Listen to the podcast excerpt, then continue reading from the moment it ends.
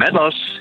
Hey Bas, met, uh, met Jeroen. Hey Jeroen. Fijn dat we je even weer uh, kunnen spreken voor een nieuwe Bellen met Bas. De bedoeling was eigenlijk dat we dat gisteren zouden doen toen je in uh, Slovenië was. Maar er kwam iets tussen, dus we doen een nieuwe nieuwe poging terwijl je onderweg bent naar Texel.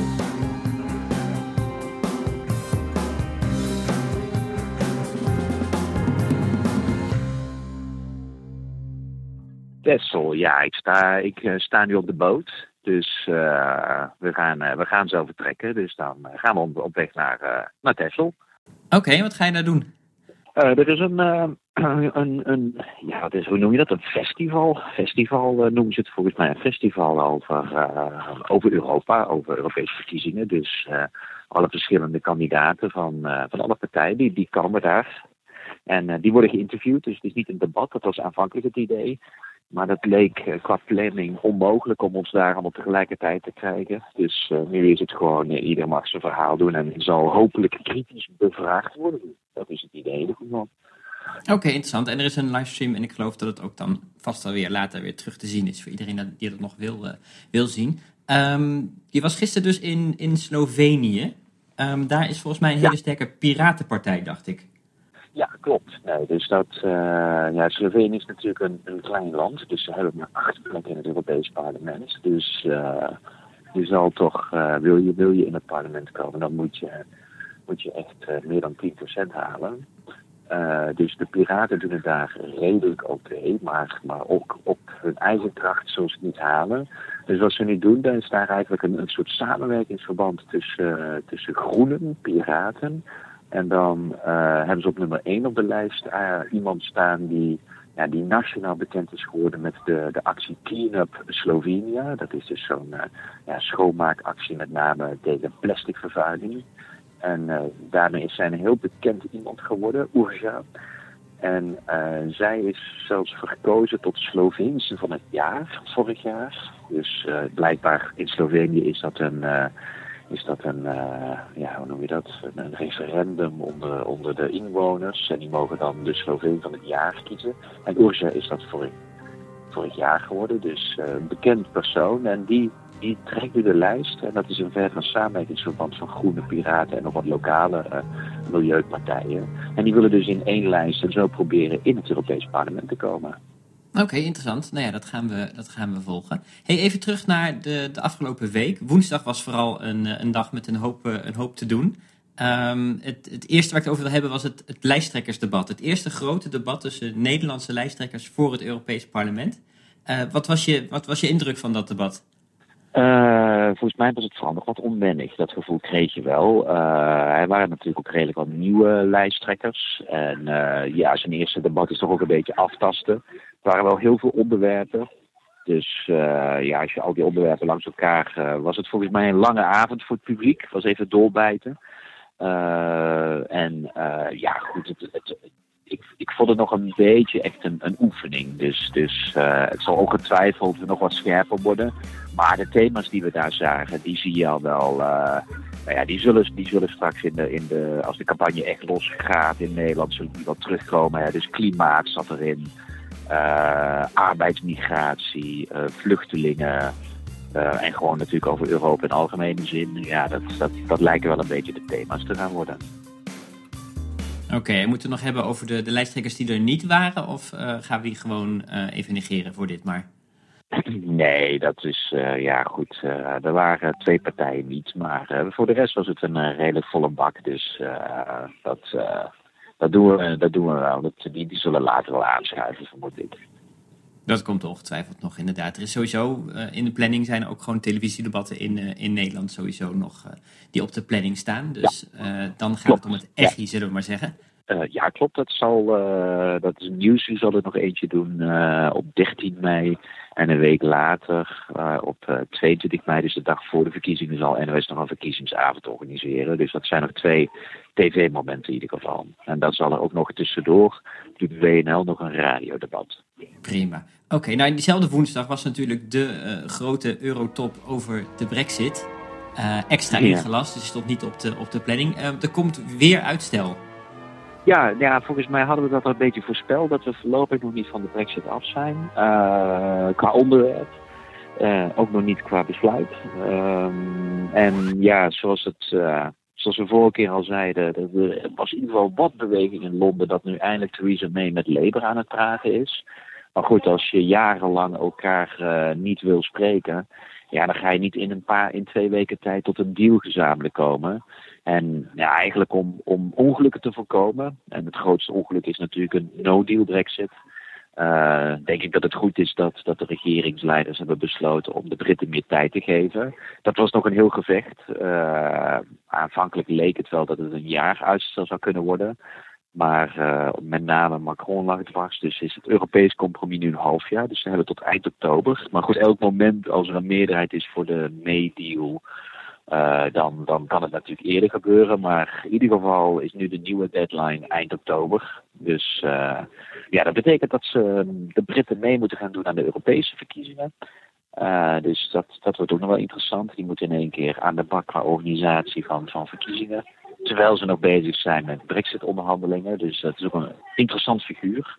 En uh, dan krijgen we dus wat verkozen Britse Europarlementariërs die wellicht 1 juli aantreden en dan eind oktober alweer moeten uittreden. Dat, uh, dat zou zomaar eens kunnen gebeuren. Dus voorlopig halen we even nu de spanning van het Brexit-debat af, zodat we niet elke week een cliffhanger hebben.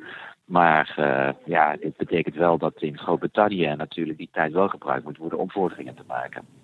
Ja, precies. Wat mee had eerst als een plan van ik wil nu als nieuwe deadline de dag voor de Europese verkiezingen wel stellen. Maar dat was, dat, nou goed, dat lijkt me logisch dat de Europese leiders daarvan dachten, dat gaan we niet vertrouwen.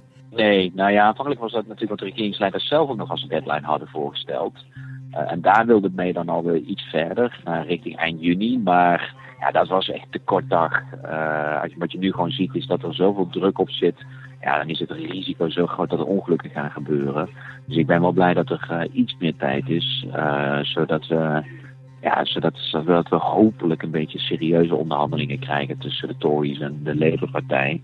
Want ja, wat we al vaker hebben gezegd, uh, een Brexit-deal vraagt echt om een, om een partijoverstijgende compromis. Want dit is te groot om aan partijpolitiek over te laten. Ja, nee, we gaan het volgen. Uh, ga je nog naar, uh, naar Groot-Brittannië voor de, voor de Europese campagne ja. dan? Zit dat al in de planning? Nou, dat is nu natuurlijk wel wat besproken wordt. Want in één keer hebben we dus een extra land waar we verkiezingen hebben. Dus daar gaan we natuurlijk wel naar kijken. Uh, ik was er op zich al uh, 22 maart met de grote, hè, de People's March was ik er. Maar toen hebben we ook gebeld vanuit Londen. Uh, dus, dus in die zin was dat al wel wat de Engelse groenen erg konden waarderen. Maar uh, ja, we gaan wel even kijken of we nog uh, in deze tussentijd toch nog een, uh, een, een, bezoek aan Engeland kunnen inlassen.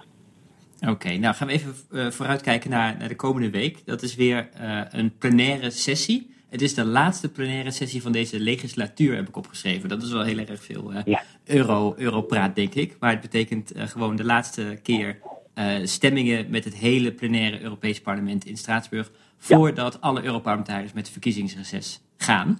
Ja, dus dat um, betekent een aantal, ja, een aantal politieke discussies die we nog gaan krijgen. Onder andere Roemenië staat op de agenda. Hè, de, de, de, om, gewoon de ontwikkelingen in Roemenië. Hè, waar Judith Sargentini natuurlijk ook weer uh, Judith gewoon uh, zal spreken, ook namens de Groenen. Ja, dat gaat echt over uh, dus de staat van de rechtsstaat. Hè? Hoe daar de regering ja. nou ja, een beetje de Orbán-lijn aan het volgen is de laatste tijd.